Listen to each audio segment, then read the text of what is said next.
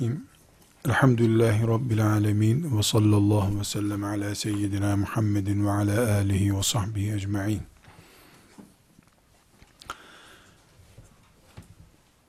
Hadis ilmi de içinde bulunduğu bir kalıpta ilmi nereye oturtacağız diye soracak olursak ilmi ibadetten başka oturtacak bir yer bulamayız.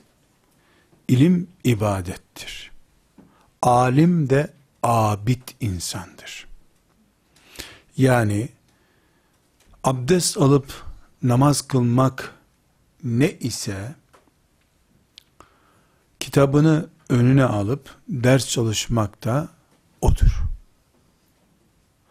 Eline tesbihi alıp Subhanallah demek ne ise talebenin karşısına geçip veya hocanın karşısına geçip ders çalışmak da zikirdir, ibadettir.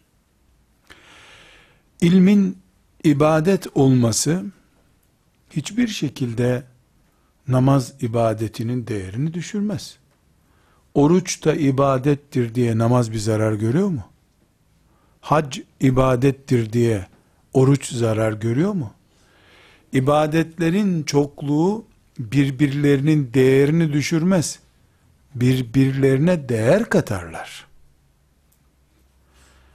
Ramazanda oruç ibadeti var. Teravih ibadeti var. Kur'an okuma ibadeti var. Sadaka ibadeti var. İtikaf ibadeti var toplamından Ramazan heyecanı çıkıyor. Oruç teravihi ezmiyor. İtikaf orucu ezmiyor. Bir ibadetin varlığı diğerinin değerini düşürmüyor. Bilakis artırabiliyor. Aynı şekilde ilim ibadettir dediğimiz zaman e, alim olmayan, ilimle meşgul olmayanlar o zaman fasık mı oluyor deriz. Hayır. Ramazanda i'tikaf diye bir ibadet var. İ'tikafa girmeyenler oruçları kabul olmuyor mu? Yok. İtikafa girenler daha fazla sevap kazanıyorlar. İlim de böyle. İlimle meşgul olmayan, alim olmayan cehennemlik olmuyor.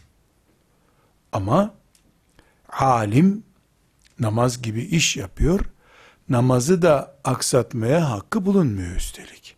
Bir insan ilimle meşgul olduğu için diğer Allah'ın emirlerinden herhangi birinden muaf olmuyor. Bu sebeple ilim bu dinde nedir sorduğumuz zaman ibadettir deriz. E ibadet deyince hep aklımıza abdest almak, kıbleye dönmek, seccadeyi sermek geliyor. İlmin abdesti de niyettir niyetle Allah'ı kastederek, Allah'ın şeriatını öğrenmeyi kastederek, ilimle meşgul olduğun sürece ibadettesin. Bu kadar basit, bu kadar kolay ve bu kadar da tatlı bir şey. Bu sebeple ilim ibadettir, alim de abittir. Hacı efendi gibidir. Musalli namaz kılan gibidir saim insan gibidir. Allah böyle takdir buyurmuş. Kur'an bunu izah ediyor. Hadis-i şerifler bunun da ötesine gidiyor. Bin kişi, bin kişi, bin bin bir yerde nafile namaz kılıyor. Bir talebe de ders çalışıyor. Talebeyi ondan değerli görüyor.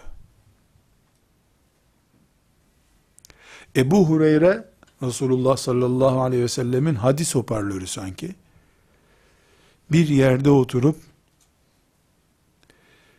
bir saat ders çalışmayı bin saat ibadete tercih ederim diyor. Aklımda kalan şu anda kaynağını hatırlamadığım bir rivayette de Kabe'nin kenarında Kadir gecesinde bulunmaktansa ders çalışmayı tercih ederim diyor. İlim başka bir şey. Çünkü neden? İbadet Kulluk namına ne biliyorsan bu ilimle öğrenilecek. Alimler eğer bu payeye sahip olmazlarsa herhalde ilmin değer kaybettiği bir ortamda ibadetler zaten değer kaybı. İman kimlik kaybedecek. Bunun için şehitler hakkında onca muhteşem rivayetler cennette gıpta edilecek makam müjdeleri bulunduğu halde hiç tereddüt etmeden bazı alimler şehitlerin alimlere imreneceklerini söylüyorlar kıyamet günü. Elimizdeki dokümanlara bakarak kıyamete dair bir bilgiyi kimse beyan edemez. Çünkü şehidin akmış kanı var, alemin damlayan mürekkebi var. O mürekkebi şehidin kanından değerli gören naslar var. Bu sebeple ilim ve alim sıradan bilgilerin adı değil bizde. İlim ve alim sıradan değil, tepeden konulardır. Bu sebeple ilim ibadettir diyoruz, hiç tereddüt etmeden. Alim abittir diyoruz. İlim talebesi ibadet halindedir diyoruz. Kabe'nin dibinde Kadir gecesinde bulunmaktansa böyle bir ihtimal var diyelim. Talebe ders başında bulunsun diyoruz. Fakat ilim ibadettir dedik. Cihat düzeyindedir diyeceğiz yer yer. Dedik gitti Allah selamet versin diyemezsin. Namaz ibadettir dedin, farz mıdır? Şöyle mi kılınır? Abdestli olur mu olmaz mı? Yığın soru çıkar karşına. İlim ibadettir dedikten sonra cevaplanması gereken yığınla sorumuz var bizim. Bu sorumuzu topluca cevaplandırabiliriz. Bir, eğer ilim ibadetse,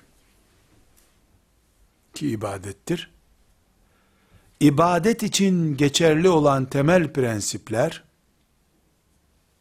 ilim için de geçerlidir. İbadet için temel prensip abdest değildir ama.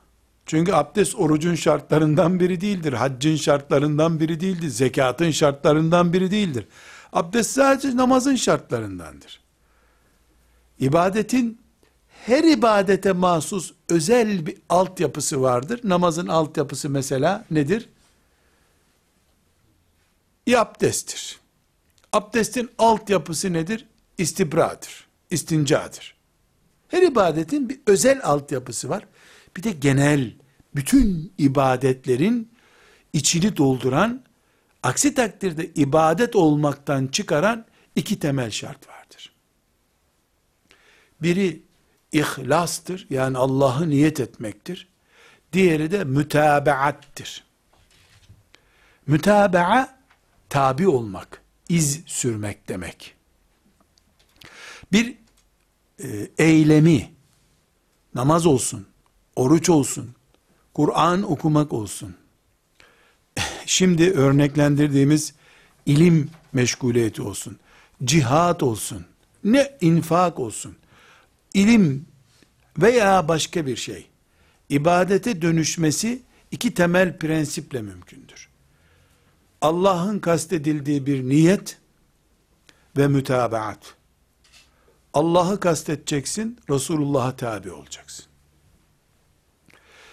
Niyet Allah'tan başka bir şeyse ve uygulama Resulullah sallallahu aleyhi ve selleme göre değilse o zaman herhangi bir şekilde ona ibadet diyemeyiz. Namazı Resulullah sallallahu aleyhi ve sellemin kıldığı gibi değil de yöresel bir etkinlik olarak kılsa bir insan niyet etmiş olsam bile abdest almış olsam bile namaz olmaz o. Her ibadetin peygamber standardı vardır. Buna mütabaat denir. Tabi olmak kelimesinden. Peygambere tabi olacaksın. Ben bunu isterseniz Türkçeleştireyim bugünkü lisanımızda iz süreceksin. Resulullah'ın ve ashabının Allah onlardan razı olsun. Ayak izleri var. O izlerden gideceksin. İbadette modernizasyon olmaz. İlim de bir ibadettir. Modernizasyon kabul etmez. Bilgisayardan okunur. Filan cihazdan okunur. Kalem yerine lazerli bir cihaz kullanabilirsin. Bunlar mütabaata engel şeyler değil. İlimde Kur'an eksenli olmak, Resulullah eksenli olmak, ilmin sonucunu Allah'ın rızasına bağlamaktır mütabaat dediğimiz şey. Kur'an'ın yerine başka bir şeyi, biyolojiyi getiremezsin. Mütabaatı bozarsın. Biyolojiyi putlaştırıp yaz tatillerinde de Kur'an okuyamazsın. Önce Kur'an, ikra el Kur'ane, ikra el Kur'ane olacak. Kur'an'ı okuyu önceleştireceksin. Ve bu yöntemini Allah için yapacaksın. Gayen Allah olacak. Diplomayı aşmış olacaksın. Diploma ile diploma 4 yıl sonra mesela sana verilen bir diploma ile benim elimdeki şu notum arasında fark olmayacak senin gözünde. Ha ders notum, ha diplomam. Çünkü bu benim 4 yıl sonra önüme verilen bir kağıttır. Bu da notlarımı tuttuğum bir kağıttır. Bu olmasa kitaptan bakarım diyebiliyorsan asas gaye Allah'ı, peygamberini ve şeriatı öğrenmek ise sen Allah'ı kastediyorsun demektir. Bu uygundur. Sistem, yöntemde Allah'ın şeriatının yöntemi yani Peygamber aleyhisselamın izinin sürüldüğü bir yöntemse ilim ibadettir. Böyle bir ilmin biraz sonra hadisi şerifi okuyacağız. Sonu cennettir. Nereden biliyoruz bunu? Çünkü Resulullah sallallahu aleyhi ve sellem Efendimizin Tirmizi'de rivayet edilen meşhur hadis-i şerif 2647. hadisi şerifi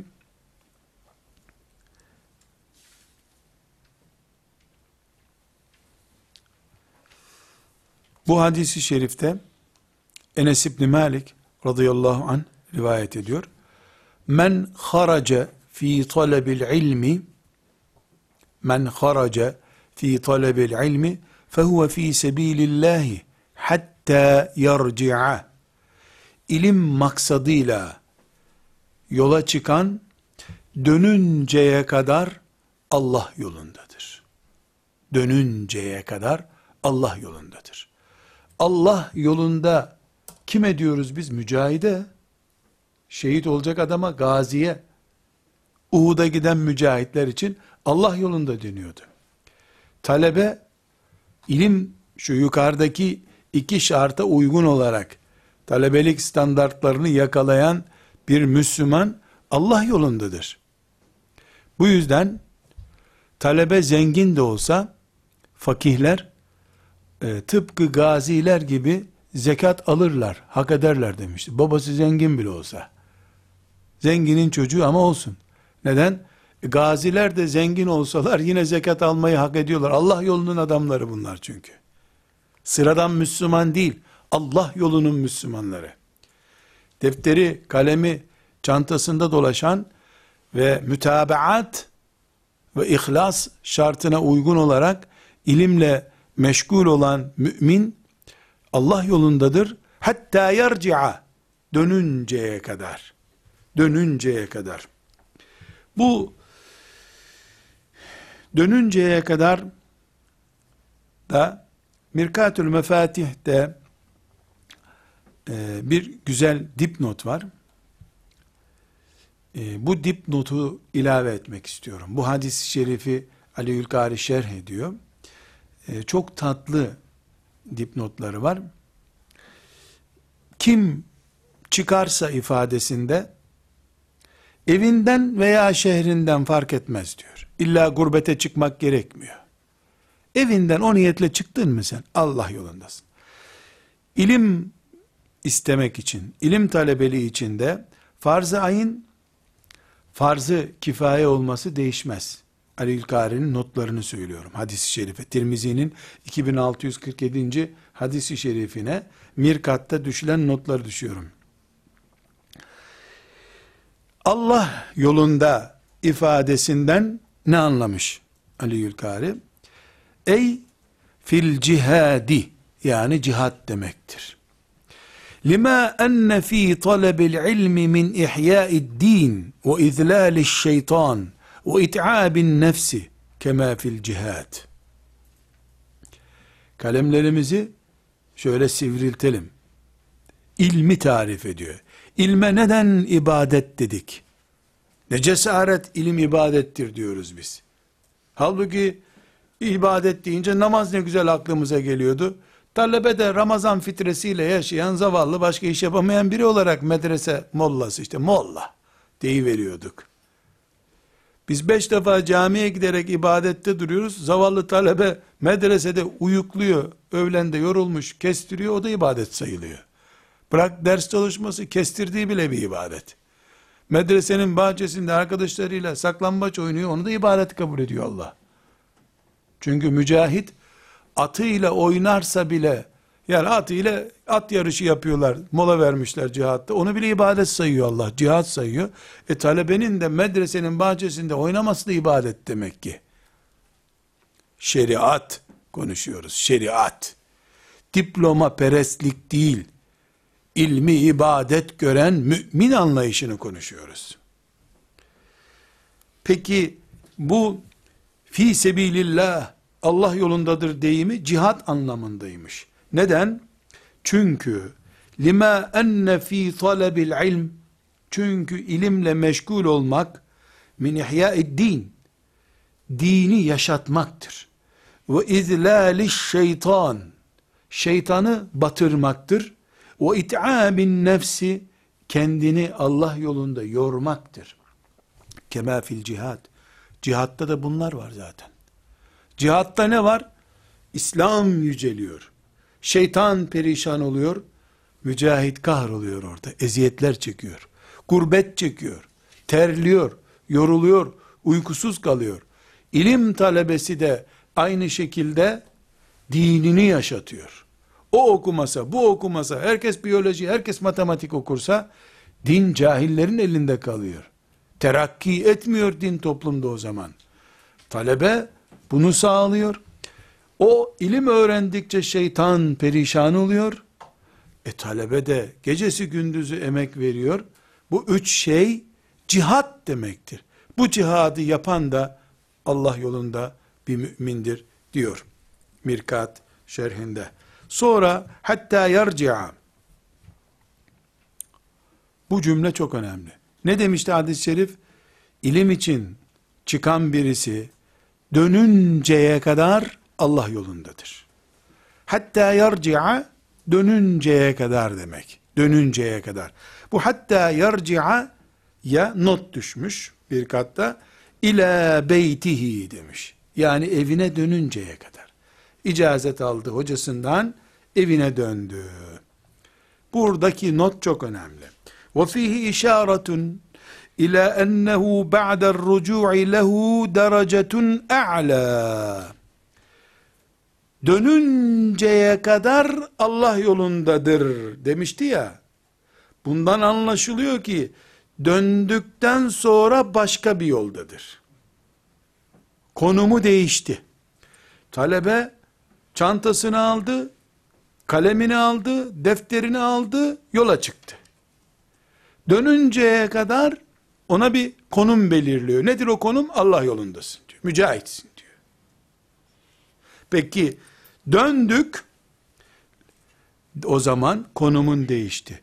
لِأَنَّهُ حِينَ اِذٍ وَارِثُ الْاَنْبِيَاءِ ف۪ي تَكْمِيلِ النَّاقِس۪ينَ O zaman peygamber varisi zaten. O Allah yolunda olmak talebeyken ki konum.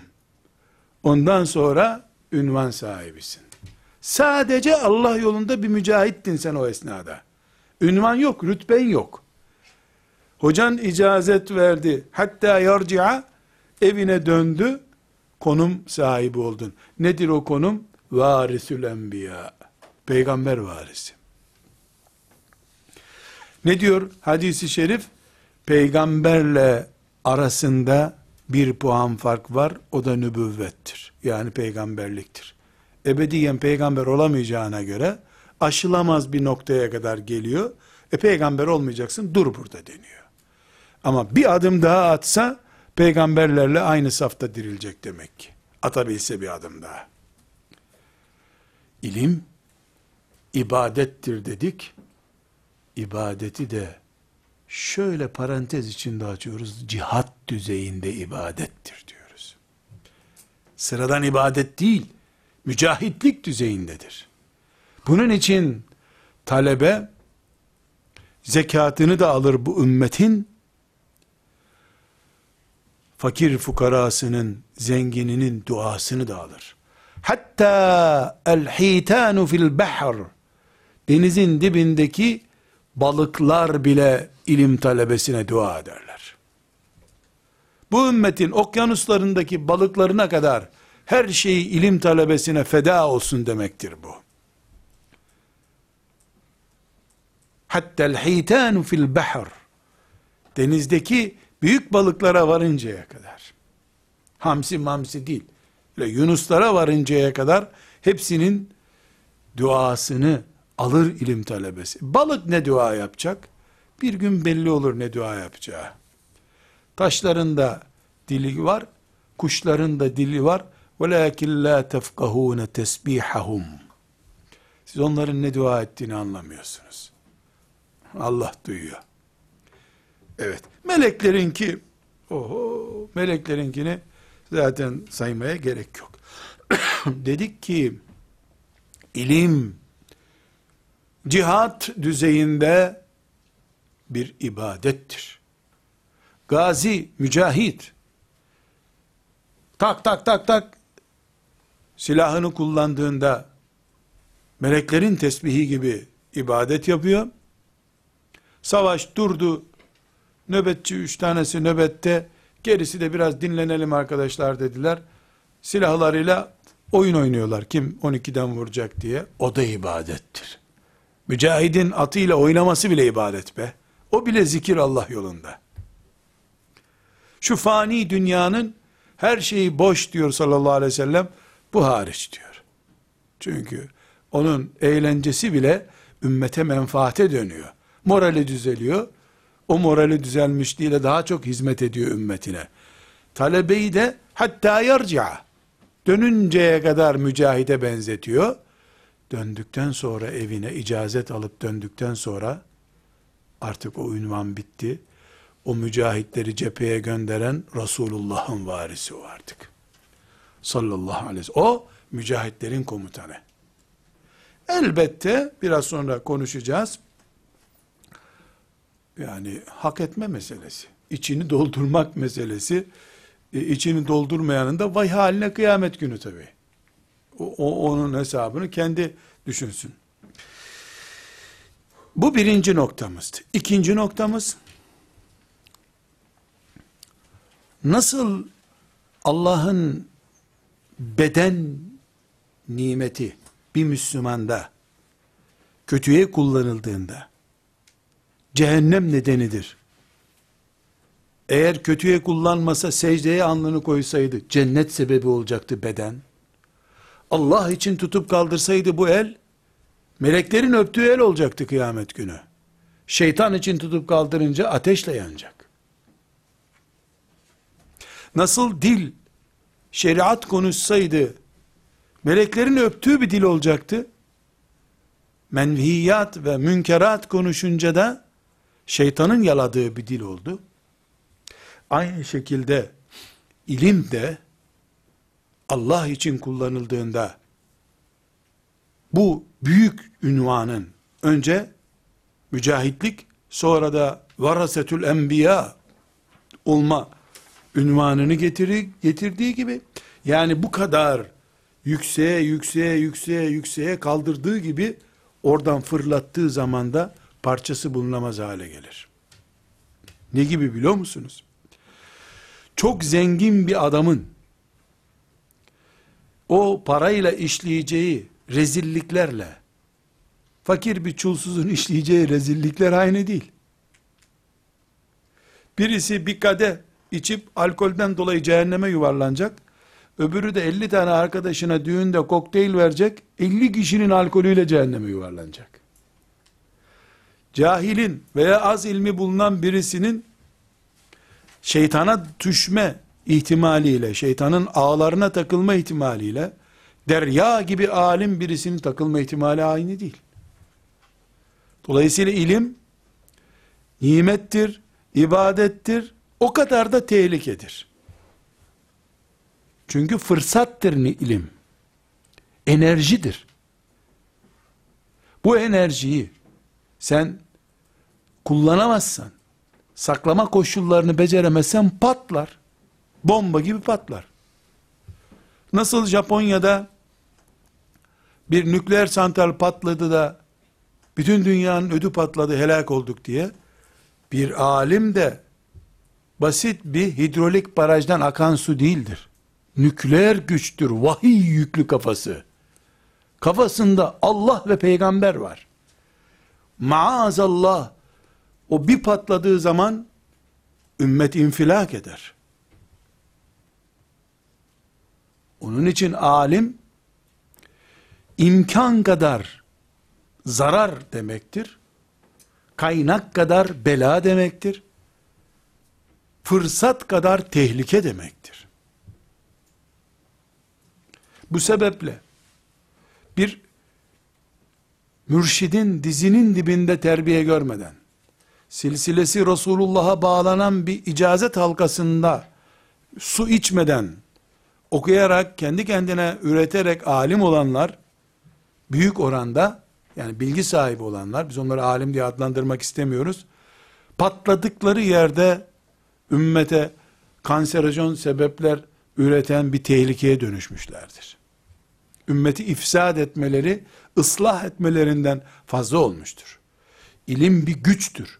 Hem de nükleer güçtür. Bu nükleer gücü yani çağdaş bir kavram olarak kullanmak istiyorum bunu. Bu nükleer güç sıradan bıçakla adam öldürmeye benzemez. Bir insan elindeki bıçakla öldürse, öldürse, öldürse 5000 kişi öldürür. Sıraya dizse, kurban keser gibi kesse 5000 kişiden sonra yatıp uyuyacak herhalde gerisi de kaçar. Ama nükleer bir silahla, bir kimyasal silahla bir kitle, bir insanlık toptan helak olabildiği gibi bir cahilin haydi gelin arkadaşlar bir alkol alalım bu akşam demesiyle bir alimin düğünde alkolün zararı yoktur. Ashab-ı kiramın zamanındaki alkol çok gliserinliydi ondan zarar veriyordu da işte milli piyangonun zararı yoktur haram olmaması lazım canım devlet kontrolünde demesi aynı şey değildir. Bir cahil bir piyango bileti alır kendisini helak eder çocuğuna haram yedirir bitti. Ama televizyona çıkar da bir alim bilinen, vehmedilen, alim olduğu vehmedilen biri, piyangonun zararı yok canım otellerde satılıyor, kumarhanede satılmıyor ya, deyiverse, bir nesil batırır maazallah. İlim ibadettir derken tıpkı haccı Allah rızası için yapmayıp riya için yaptığı zaman müşrik olarak evine döneceği gibi nasıl bir ibadeti görsünler beni ne müthiş Müslüman bu adam desinler diye yapınca ne oluyor? Riya oluyor. Bu riyanın ağırlığına göre de şirke giriyor insan maazallah. Namaz kıldığın için, hac ettiğin için Ebu Cehil abiyle beraber dirileceksin. Senin abin Ebu Cehil olacak kıyamet günü. Müşriklerin babası adam çünkü. E, bu ilimde de var. İlim ibadetse hem de cihat düzeyinde bir ibadetse e, bu o zaman ilim içinde geçerli bir kuraldır. Bu da ikinci nokta. Üçüncü e, noktamız ilim ibadettir dedik ya. Namaza benzetelim ilmi. Namaz sadece Allah için yapıldığında ibadettir. Onun içine ücret karıştığında ibadetliği gider.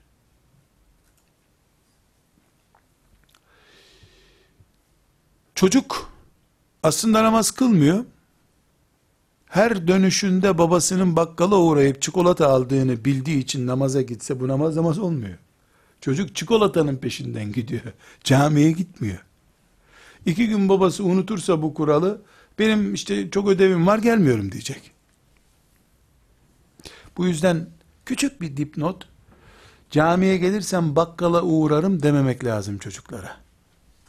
Şartlı ve ücretli ibadete alıştırılır çocuk. Yasin ezberlersen bisiklet alacağım taktiği psikolojik açıdan yanlış bir açı, pedagojik açıdan yanlıştır. Yasin ezberlesin, araba al. Zararı yok. Yaptığı işe ödül veririm, ödül karşılığı iş yapmasın ama. Beklemediği hem çok daha değerli olur, hem daha orijinal bir iş yapmış olur. Böylece sen de para karşılığı Yasin ezberletmemiş olursun. Ama camide dedik ki namaz namazı para karşılığı, çikolata karşılığı kılınca çocuk ibaret olmuyor dedik. Peki camide imam ücret alıyor. Evet doğru. Peki imamın namazı olmuyor mu? İmamınki olmuyor da cemaatin gibi oluyor? Hayır. Müslümanların ücretle bir imam tutmaları namazın devamlılığı açısından bir zorunluluktur. Bu açıdan fukaha rahmetullahi aleyhim imamın ücretli bulunması namaza mani değildir demişlerdir. Ama ama eğer imam la kadderallah la kadderallah olmaz böyle bir şey ama hani ben işte bu gece kötü rüya gördüm onun için anlatayım bunu. Çarşamba günü imam efendinin izin günü olduğu için namaz kılmıyorsa olmaz böyle bir şey. Bühtan etmeyeyim. Ama çarşamba günü sabah namazına kalkmıyor. Hanım dürtüyor. Namaza kalkmıyor mu hoca efendi diyor. Bugün izin günüm benim diyor. O zaman diyebilir miyiz imam efendi ücreti karşılığı namaz kıldırmıyor diye? Hayır. Bu imamın arkasında namaz olmaz o zaman. Çünkü bu iş yapıyor, namaz kılmıyor. Bunun işi bir, oturuyorsun. iki kalkıyorsunuz tamam mı diye eğitmiş cemaati. Bir deyince oturtuyor. Allah Ekber diyor bir yerine. İki yerine de Semihallahu men hamidet diyor. Çünkü ibadette Allah rızası ve mütabaat demiştik. Ya sen onun kalbini biliyor musun? Ne bileceğim ben kalbini? Niye kalkmıyorsun sorusuna bugün izinliyim dediğinden çıkardım bunları ben. Namaz ibadettir. Ücret karşılığı olmaz. Zorunlu ücret alınabilir ama imam ücretin kölesi olmaz. Dolayısıyla izin günü de olsa Allah Ekber namazını kılar. Caminin bahçesinde lojmanı, çünkü çarşamba günleri yok. Hoca efendi televizyon seyrediyor orada, millet müezzin yok, bir şey yok, camide namaz kılmaya çalışıyorlar. Haya da etmiyor sonra insanlardan. Bu namaz ibadet değil. İlim de namazın yerine konacak, alim kendine böyle bir ölçü biçecek. İlmini ücretle satan alim, tıpkı çarşamba günü izin günümdür diye namaz kılmayan hoca gibidir. imam gibidir. Ama alim hiç ücret almayacak da sefaletten mi ölecek? Hayır canım. Devlet başkanından daha yüksek yüz katı yüksek bir ücret alsa imam billahi hakkıdır ya. Aynı şekilde alim dünyanın en yüksek maaşıyla yaşasa bir kelime öğrettiğine karşılık bir kilo altın alsa helali hoş olsun alime. Helali hoş olsun. Alim bizim imanımızın garantisi biiznillahü teala. Cenneti gösteriyor bize de. Dünyanın bütününü ücret olarak alsa ne olur? Ama o fiyatı olan biri olmamalıdır kendine fiyat biçmemelidir. Ümmet onu her takdirin üstünde tutsun, o fiyat biçmesin. Süfyan-ı Sevri rahmetullahi aleyh tabiinin ağır adamlarından e, bir söz naklediyor. Dahhak e, o da e, tabiinden e, Zehebi'nin Siyer-i Alam'ın Nübelası 4. cilt 599. sayfadan naklediyorum. e, diyor ki kâne dahhâku yuallimu ve la ye'huzu ecran Dahhak insanlara öğretirdi ama ücret kabul etmezdi. Tabii kafası. Sahabeden gördükleri budur.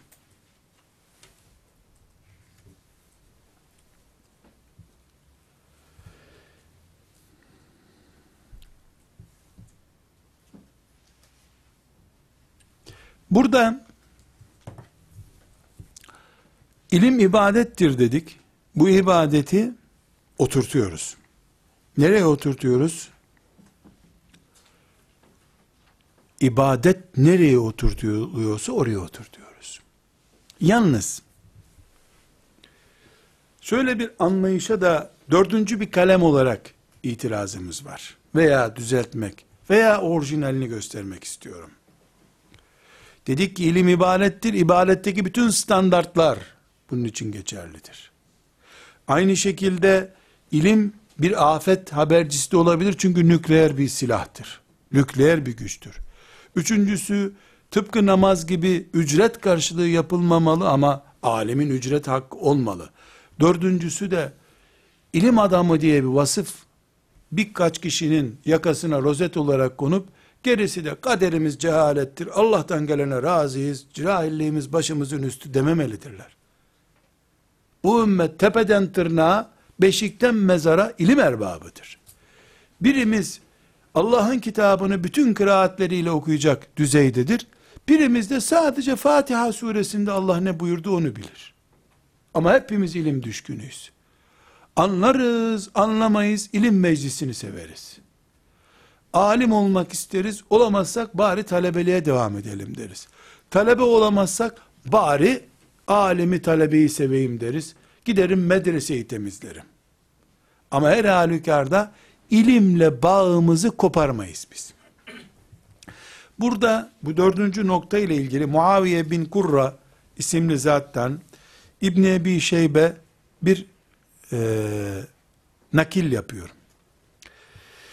Müzeyne'den e, semt ve kabile isminden e, naklediyor.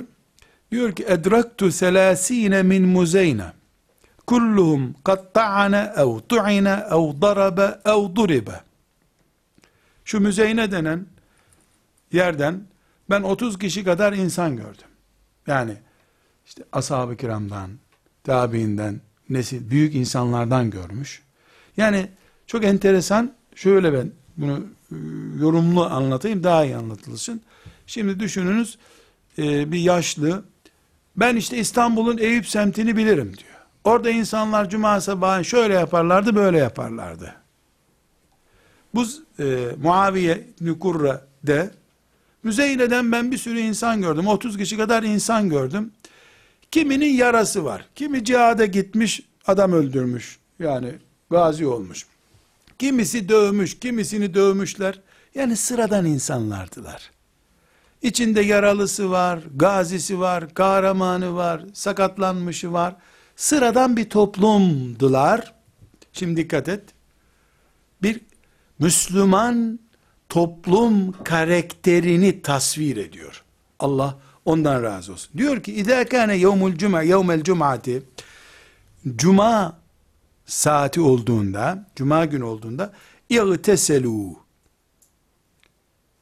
Gusül abdesti alırlardı.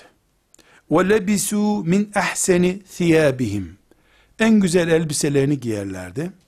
Tetayyebû ve kokularını sürünürlerdi. Parfümlerini değil. Kokularını sürünür, sürünürlerdi. Sümme rahu yola çıkarlar sallu rak'ateyni sonra da iki rekatı kılarlardı. Cuma günü iki rekat nedir? Cuma'nın iki rekat farzını kılarlardı. Şimdi dikkat edin. Şu Allah yolunda cihad etmiş, kavga etmiş. Yani böyle ilim adamlarını zaten tarif etmiyor. Cihattan gelmiş kavgadan mızrak üstünde yarası var, beresi var, savaş hatıraları var, gazi adamlar, gazi emeklileri diyelim biz. Geliyor, onları bir cuma namazında seyretmiş, gusül abdesti almışlar, sünnet çünkü. En güzel elbisesini giymiş. Cuma onun için bayram çünkü. Koku sürünmüş. Parfüm değil. Leş boyadan koku sürünmemiş. Hafif bir parmağın ucuna sürmüş. Öyle her yerini boyatıp yanındaki Müslümanı Cuma'yı da kılmıyorum vazgeçtim deyip getirecek gibi değil. Çünkü Cuma kalabalık bir yer. Herkes kendi sevdiği kokuyu çuvalla, fıçıyla sürerse öbür adamın burnuna hoş gelmiyor. Sadece şöyle ter kokmayacak kadar çok hafif böyle bir yakasına sürmüş. Sonra da yola çıkmışlar. Gelip iki rekat cumayı kılmışlar. Thümme celesu. Sonra bakardın ki onlar oturuyorlar. Febessu ilmen. Bildiklerini bilmeyenlere öğretiyorlar. Ümmeti Muhammed'in bir mahalle camisindeki tablo. Sünnete uygun geliyor. Cuma namazını kılıyor. Cuma namazından sonra birisi geliyor bana abdesti öğretti. Oturup ona abdesti öğretiyor. Ya hoca efendiye git orada görmedin mi cuma kıldırdı adam. Hoca efendiye salmıyor. Otur yavrum diyor. Ona abdesti öğretiyor. Öbürü orucu öğretiyor. Hocaya salmak yok. Herkes dininin hocası çünkü. Hocalar mı cennete girecek sadece? Bu hoca herkese nasıl yetişsin? Sen ne günesin? E ben hoca değilim. Niye cuma kıldın sen? E cumayı biliyorum. Anlat cumayı. Cuma ibadet değil mi? E sen cihad etmeyi biliyorsun. E anlat nasıl cihad ettiğini teşvik et gençleri. Herkesin yapabileceği bir hocalık muhakkak var. Eğer Allah diye bir davan varsa senin. İslam büyüsün diye bir heyecanın varsa oho yetiştiremezsin bile talebe talebe fazlalığın olur senin. Ama nasıl olsa din hocaların ne güzel cenazeleri de belediyeler kaldırıyor zaten. E, Ramazan'da da fitreyi vakıflara havale ettin mi sen de İsviçre'ye tatile git bari. Boş durmak doğru değil tabi. Boş durmamak lazım. Demek ki bu Müzeyne'den 30 kadar örnek Müslüman görmüş. Bu gördüğü örnek Müslümanların bir cuma gününü tarif ediyor. Bir cuma gününü tarif ediyor. Sünnete uygun gusül almışlar. Elbiselerini giymişler. Kokularını sürünmüşler peygamberin hatırı kırılmasın diye. Mescide gelmişler. Cuma'yı kılmışlar. Oturmuş hurma kütüğünün dibine. Yavrum ne bilmiyorsun? E bana Kevser suresini öğret. Otur yavrum öğreteyim diyor. Öğretiyor. Peygamberin bir harf biliyorsanız, bir kelime biliyorsanız öğretin emrine uyup kat kat cuma huzuruyla evine dönüyor. Müslüman tablosu. İlim bizde hocalara, akademik kimliğe satılmış, terk edilmiş bir kimlik değildir. İlim, müminin beşirkten mezara kadar her şartta talip olduğu bir mücevherdir. Elbette kuyumcuda bin tane bilezik vardır. Bir kadının kolunda da bir tane bilezik vardır. iki tane vardır. İslam toplumunu, ümmeti Muhammed seviyesini konuşuyoruz. Sallallahu aleyhi ve sellem. Burada bir beşinci madde olarak bir not daha ilave etmek istiyorum kardeşler. Burada inşallah e, umuyorum Allah'tan diliyorum e, kimse bu sözü bu hadisi şerifi belli bir kitleyi rahatsız etmek için anlattığımı zannetmez. Kul hakkıdır bu çünkü. Ben Resulullah sallallahu aleyhi ve sellem Efendimizin bir hadisi şerifini e, okuyorum. Bu hadisi şeriften bereket umuyorum. Bir gayem var ama bu gayem A, B Müslümanını e, rencide etmek değildir. Başta nefsim, kendim olmak üzere ümmetimizin başına gelebilecek bir felaketi nasıl Peygamber aleyhisselam Efendimiz teşhir etti önceden bunu anlatmak istiyorum. İlim merağı olan sevgili kardeşlerime, abilerime de bu afete hepimiz hazırlıklı olalım diyoruz. Yani e, Ramazan bayramında e, veya kurban bayramında diyelim kurban keserken aman elini kesersin dikkat et denmiyor mu kurbanı yatırana? Dikkat et hayvanın boynuzu büyük vurursa hepimizi parçalar diyoruz. Peygamber aleyhisselam efendimiz de bunun bir benzerini yapmıştır. Bu hadis-i şerif arkadaşlar muhakkak e, notumuzu alalım. Tirmizi'nin 2376. hadisi şerif 2376 Ahmet bin Hanbel'in müsnedinde 15794. hadis-i şeriftir. İbni Ebi Şeybe'nin Şeybe'nin musannifinde de 498. hadistir. Ed-Darimi'nin süneninde de 2772. hadisi şeriftir.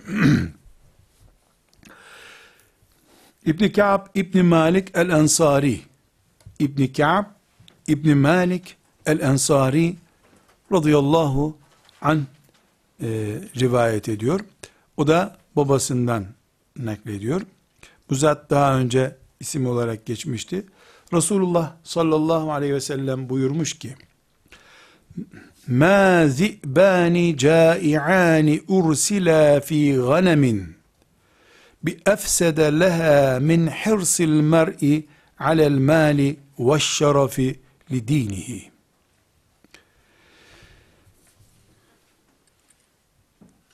Bir koyun sürüsüne dalan iki aç kurdun bir koyun sürüsüne dalan iki aç kurdun o sürüye verdiği zarar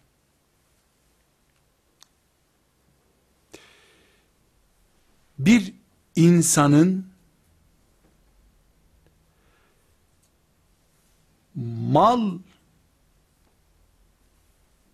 hırsıyla force hırsıyla dinine verdiği zarardan daha fazla değildir. Yani dininden mal ve force elde etmek isteyenin dine verdiği zarar, iki aç kurdun, iki aç kurdun bir koyun sürüsüne verdiği zarardan fazla değildir. Yani bir insan mal ve force için dinini kullanıyor ve bu bir zarar oluşturuyor. İki tane kurt da sürüye dalıyorlar. Onlar da sürüye zarar veriyor. Sürüye verilen zarar daha azdır. Bu adamın dine verdiği zarardan. Bu açık bir şekilde dini alet edip dünyalık elde etmek isteyen alim insanı öncelikle ikaz ediyor. Bunu cahil de yapar. Yeri gelir cahilin eline de böyle force düşer. Ama din üzerinde konuşmak daha çok alim insanın işidir. Din adlı bir otoriteyi kullanan insan daha fazla zulmeder dinine. Burada sallallahu aleyhi ve sellem Efendimiz dinden geçinmek konusunda ikaz ediyor. Eğer bunu sürü ile kıyaslayacak olursak koyun sürüsü iki kurdun elinde ne zarar görüyor ki diye merak ederiz. Bu hadis-i şerifin şerhi çok enteresan arkadaşlar. İbn Recep el-Hambeli'nin bu hadisle ilgili bir küçük şerhi var. Yani bir hocam bana o kitabı ezberle sen hoca olacaksın herhalde demişti. Allah rahmet eylesin hocam vefat etti. Ben de kitabı gittim buldum. Baktım küçük bir kitap. Okudum hiçbir şey anlamadım. Güzel hadisin ravilerini falan anlatıyor.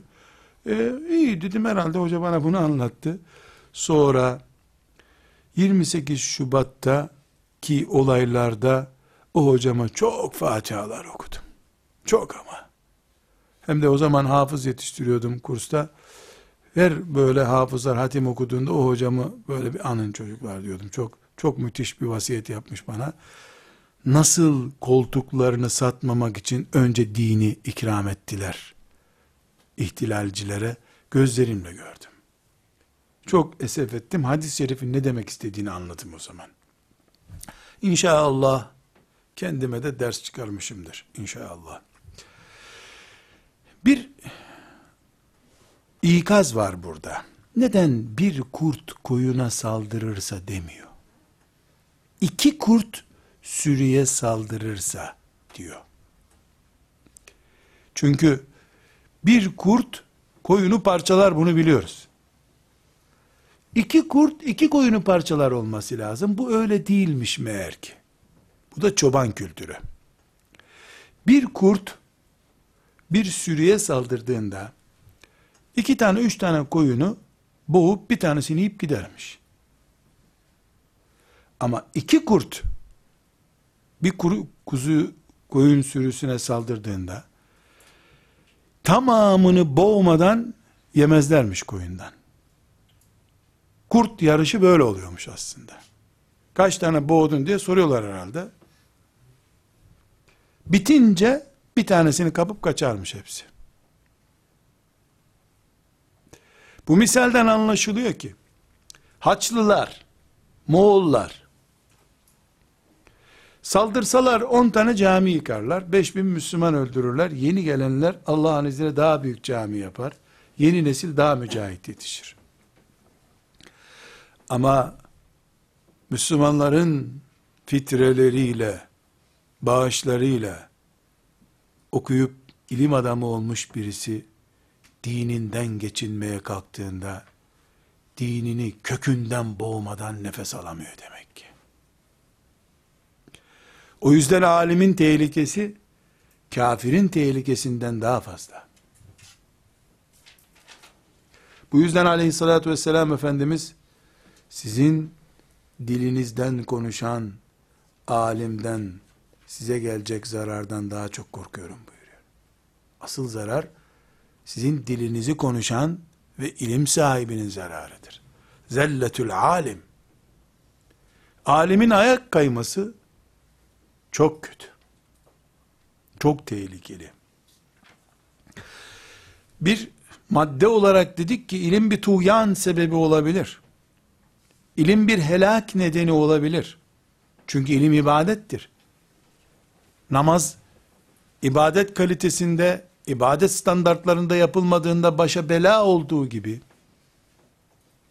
aynı şekilde ilim de Allah için ve mütabaat şartıyla Peygamber aleyhisselamın ve ashab-ı kiramın izini sürülmeden yapılırsa tuğyan sebebi olabilir. Bu beşinci maddede de diyoruz ki bu alim tarafından din sömürüldüğünde alim sarığını, sakalını, cübbesini gerekçe olarak gösterip cübbesinin altına gizlenerek siyaset yaptığı zaman veya insanların malına göz diktiği zaman bir kafirin İslam ümmeti içerisindeki oluşturacağı zarardan daha büyük bir zarar oluşturur. Bu da ümmeti Muhammed'in dikkat etmesi gereken şeydir. Burada bizim medreselerde okuduğumuz zamanlarda belki hoca efendilerin o zamanki şartlar gereği dikkat etmeye e, vakit bulamayacakları, böyle bir fırsat yakalayamadıkları bir zamandaydı. Ama artık dünyada toplum mühendisliği yapılıyor. Toplumların 100 sene sonraki şekli bir laboratuvarda e, silikondan bir alet yapıldığı gibi toplumlar artık laboratuvarlarda, mühendislik odalarında tasarlanıyor. E, hangi e, aletin, hangi bilginin, hangi haberin, hangi toplumu nasıl yönlendireceği tasarlanabiliyor. Artık biz e, Müslümanlar olarak alim adam yetiştirirken dininin üzerinden 40 sene aç kalsa bile dininden geçinmeye razı olmayacak şahsiyetli adam yetiştirmek lazım. İnsanlara şehadeti tarif edeceksin. Değil şehadet, bulunduğun semtten başka bir semte sürülme korkusundan dininden taviz vereceksin. Bu hadis bunu ikaz ediyor işte. İnsanlara infaktan bahsedeceksin. Sen zekatı vermemen için köşeden bucaktan fetvalar toplayacaksın. Başta dedim ki, bu ümmetin alimlerini, fırkalarını kastederek söylemiyorum. Hastalığı konuşuyorum. Kimin bundan kocunacak bir kulağı varsa e, ona oturmuş demektir bu. Kendini ıslah etsin. Dininden geçinmek o yaptığı işten dolayı maaş almak değildir. Bunu söyledik. Alim de maaş almalı. En yüksek maaşı almalı. Kur'an müderrisleri en yüksek maaşı almalıdır. Çünkü bu ümmetin en hayırlısı onlardır. Sıradan memur maaşı mı olurmuş? Kur'an muallimi için. Ama kolunda saati olmayacak o şartla. Kur'an mualliminin saati olmaz. Güneş vardır. Güneş doğduğuna göre ders başladı. Güneş batıncaya kadar devam eder dersler. Böyle 8'den 5 olursa o zaman memur maaşına talim edersin. Ona bir diyeceğim yok. Uygun bir maaştır. Allah sıhhat verdikçe, emekli oluncaya kadar değil, Kur'an öğretmenliği. Muallimul Kur'an. Kolay değil. Hayrukum men teallemel Kur'ane ve allemehu. Ee, bu ümmetin Kur'an ehli, ilim ehli, fıkıh ehli insanları paradan, koltuktan uzak durmalıdırlar. Koltuklarda oturmalı, koltuk onların kafasına oturmamalıdır. Parayı koymalılar ama ceplerine, gönüllerine değil. Böylece ilimlerini Allah'ın dinini sömürmek için değil, Allah'ın dinini ihya etmek için kullanmış olurlar. E kolay mı bu iş? Asla değil. İlim cihattır demiştik. Alim de mücahittir demiştik. E, mücahitlik kolay değil tabi adı üstünde e, cihat gayret etmek, yorulmak, yılmamak demektir. Ve sallallahu aleyhi ve sellem ala seyyidina Muhammed ve ala alihi ve sahbihi ecma'in velhamdülillahi rabbil alemin. قل إن كنتم تحبون